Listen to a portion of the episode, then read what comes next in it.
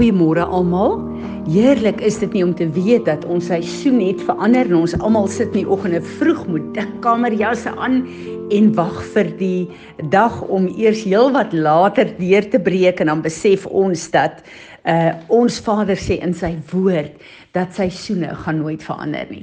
En hoe lekker is dit nie want ek en jy weet nou al dat dis nie net seisoene in die natuur nie, maar is ook seisoene in ons eie lewe wat maar baie keer baie uitdagend kan wees, maar as ons kyk daarna in plaas van te bibber en te beef of verskriklik te sweet van die warm kry, kom daar 'n dankbaarheid in my op om te weet. Hierdie is net nog een van die baie tekens in die natuur en in ons lewe wat die realiteit van die God wat ons dien vir ons elke dag wys.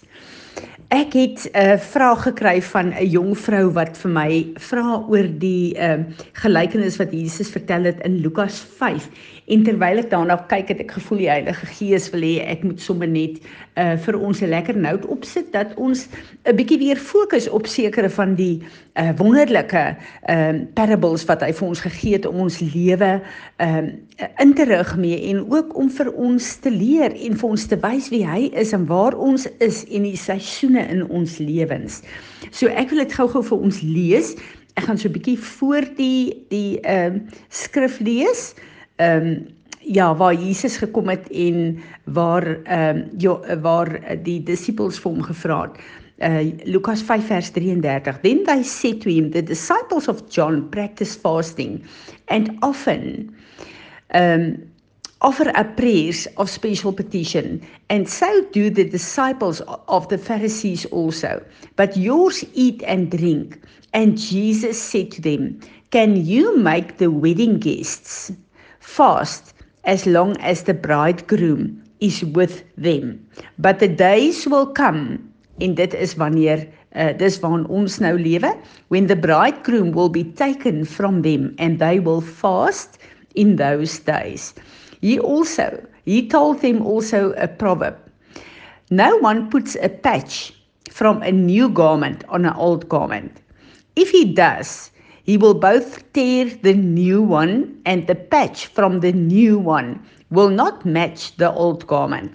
And no one puts on pours new wine into old wineskins. If he does, the fresh wine will burst and the skins uh, burst the skins and it will be spilled and the skins will be ruined, destroyed. But new wine must be put into fresh wineskins. And no one after drinking old wine immediately desires new wine, for he says the old is good or better. Hier kom die Here en hy praat met ons oor ehm um, die seisoene op aarde ook. En ons moet weet dat as ons kyk na die verloop van die kerk van Jesus Christus, dan sien ons hierdie prentjie van die ehm um, wynsakke so duidelik. As ons kyk na Martin Luther, dit was een van die grootste openbarings van daai tyd wat daar was. En uh waar mense besef het maar hulle kan self na God toe gaan. Daar is repentance, daar is genade, daar's 'n verhouding vir jou persoonlik met God. Waar in die oude mense het baie van in die eers die Bybel 'n Bybel gehad om self te lees nie. Meeste was Rooms-Katolieke en die priesters het hierdie goeders gedoen. Uh so vir hulle was dit 'n groot groot openbaring. Maar die mense wat ingetrek was deur die Heilige Gees om nou self tot God te kom nader.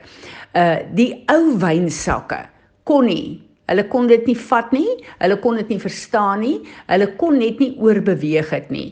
En daad in daai tyd as jy gaan lees in die geskiedenis baie skade gekom, mense wat verkeerd gedeel het met die ou wynsakke en letterlik het van hulle gebars. Uh dit is so hartseer in die geskiedenis uh van Jesus Christus, van die kerk van Jesus Christus op aarde. Nou as ek en jy kyk na ons vandag, daar is so 'n totale nuwe beweging, die remnant, die kerk wat God uit 'n kerk uithaal. En dis weer eens 'n ou en 'n nuwe wynsak. Baie van die mense wat geroep word as 'n remnant, word letterlik getrek in strome in wat die Here nou laat vloei op aarde wat relevant is vir ons tyd. Maar daar is baie ou wynsakke, ouer mense wat die Here liefhet, wat met die openbaring wat hy vir hulle gehad het en waarin hulle geleef het in hom gedien het, nie kan verstaan nie. Hulle dink letterlik ons het nie respek nie. Ons het daar's baie dinge wat hulle kyk en sê nee. Weet jy, die Here het hulle nog net so lief soos toe hulle nuwe wynsakke in hulle era was. Maar hulle is nie geroep om deel te wees van wat God nou doen nie en om nou baie van hulle te vat buite God se wil en hulle te wil trek in hierdie goed veroorsaak baie skade. En ons moet besef dat ehm uh, die uh, die uh, hele ehm uh, 'n wandel wat ons met God het in sy woord. Jesus is ons bruidegom. Hy praat ook hier van 'n uh, 'n uh, vas. Uh, ons is nou in 'n tyd waar ons geroep is om vas. Dis hoekom op 'n ander plek sê Jesus wanneer jy vas. Nie as jy vas nie, wanneer jy vas. Dis deel van ons lewe op aarde, van ons verhouding met die Here. In die heel eerste plek is ek en jy die woord kry. Is dit kennis? Dit gaan in ons kop in.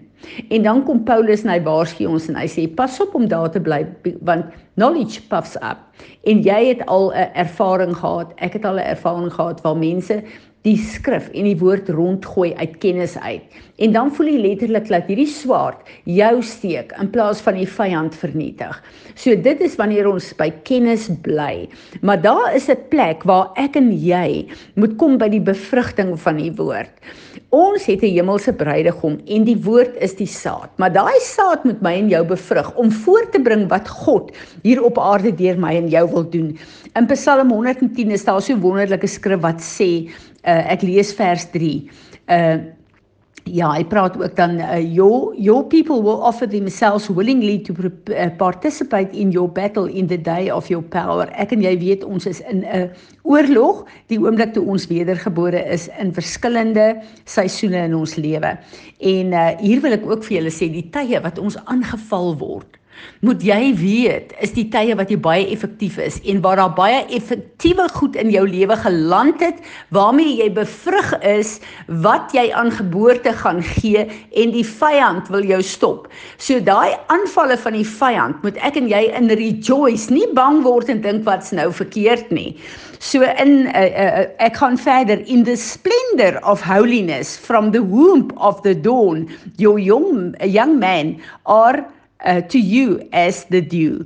Die Here kom en hy kom bring sy woord en hy deponeer dit in jou geestelike baarmoeder en hy bevrug jou daarmee.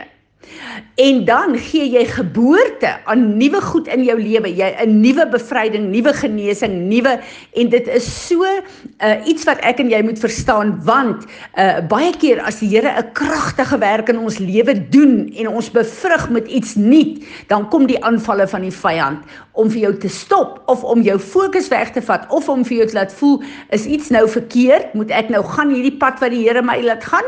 Of is iets nou verkeerd? Dis 'n sekere plek van dat jy besig is om in God se perfekte wil te groei in kapasiteit vir waarheen hy jou in die nuwe seisoen invat. Uh ons moet net weet as ons kyk na na hierdie plekke waar die ou wynsakke is wat nie wil saamgaan in God se nuwe beweging. Wees baie versigtig want hulle is ook baie keer ons geestelike vader en moeders. En dieselfde uh uh prinsip is hier in werking waar God sê eer jou vader en jou moeder sodat dit goed met jou kan gaan. Pas op vir hoe ons deel met die ou wynsakke. God het hulle liefgehad want op 'n tyd was hulle ook nuwe wynsakke geweest. Maar ek en jy is die remnant en ons moet fokus op wat God ons ehm um, verder lei in. Ons kan bly in ons gemaklike plekke, ons ou patrone, ons ons manier om die Here te dien was goed tot nou toe. Hoekom moet ons nou verander? Maar ons moet weet, God is besig met 'n geweldige progress en ek en jy is deel van die remnant. As jy dit kies, jy hoef nie deel te wees nie. Maar dan moet ons luister na wat God sê, hom toelaat om ons te bevrug met die woord vir die nuwe seisoen, dat ek en jy geboorte kan gee en dat die woord nie net kennis in ons kop bly wat ons in godsdiens gaan trek nie, maar wat ons gaan oorsvat in hierdie nuwe dimensie van God, want hier's 'n wêreld wat gebroken is, wat stikkend is, wat gebind is. Dis hoekom Jesus sê ek het gekom as 'n geneesheer. Ek het gekom as 'n redder, ek het gekom as 'n bevryder. Maar ek en jy verteenwoordig hom op aarde. Daarom kom bevrug hy ons met die volheid wat hy in hierdie seisoen wil vrystel op aarde. En ons moet onthou as ons kyk na hierdie parabel van die ou wyn. Pas op om nie mense wat nie geroep is vir hierdie nuwe vloei van God te probeer trek vanuit 'n plek van jou kennis om goed te deel wat ander mense nie gereed is nie. Dit bring baie skade. Nie net aan hulle nie, maar ook aan jou. Wees jy getrou en sê jy ja vir die Here in die volheid wat hy jou geroep het en sorg dat jy op hom fokus, maar dan ook op die plek bly waar jy 'n uh, 'n uh, uh, jouself verbind na die plekke toe waar jy toegerus word om hierdie nuwe kennis, hierdie nuwe wyn te kry. Want ons is op die begin van die laaste groot herlewing op aarde en God het jou en my nodig om met die waarheid van sy woord waarmee ons bevrug is, nie net uit kennis nie, hier op aarde vir hom die instrumente te wees. Ek is opgewonde hieroor. Vader, Dankie dat ons kan buig in aanbidding voor U, dat ons kan kom uitroep en sê dat die Skepper God van die hemel en die aarde is ons Vader. Here Jesus, U is nie net ons redder nie, U is ons bruidegom. Kom bevrug ons met die nuwe wyn van die woord sodat ons geboorte kan gee aan wat U ons geroep het om te doen.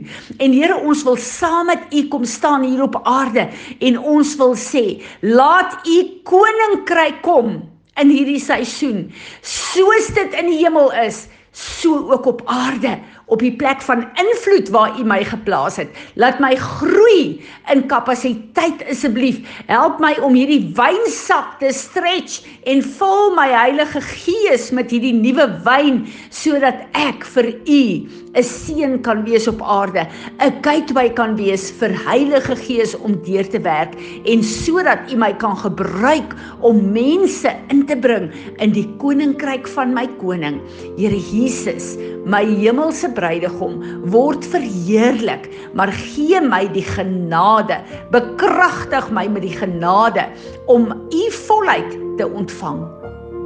Amen.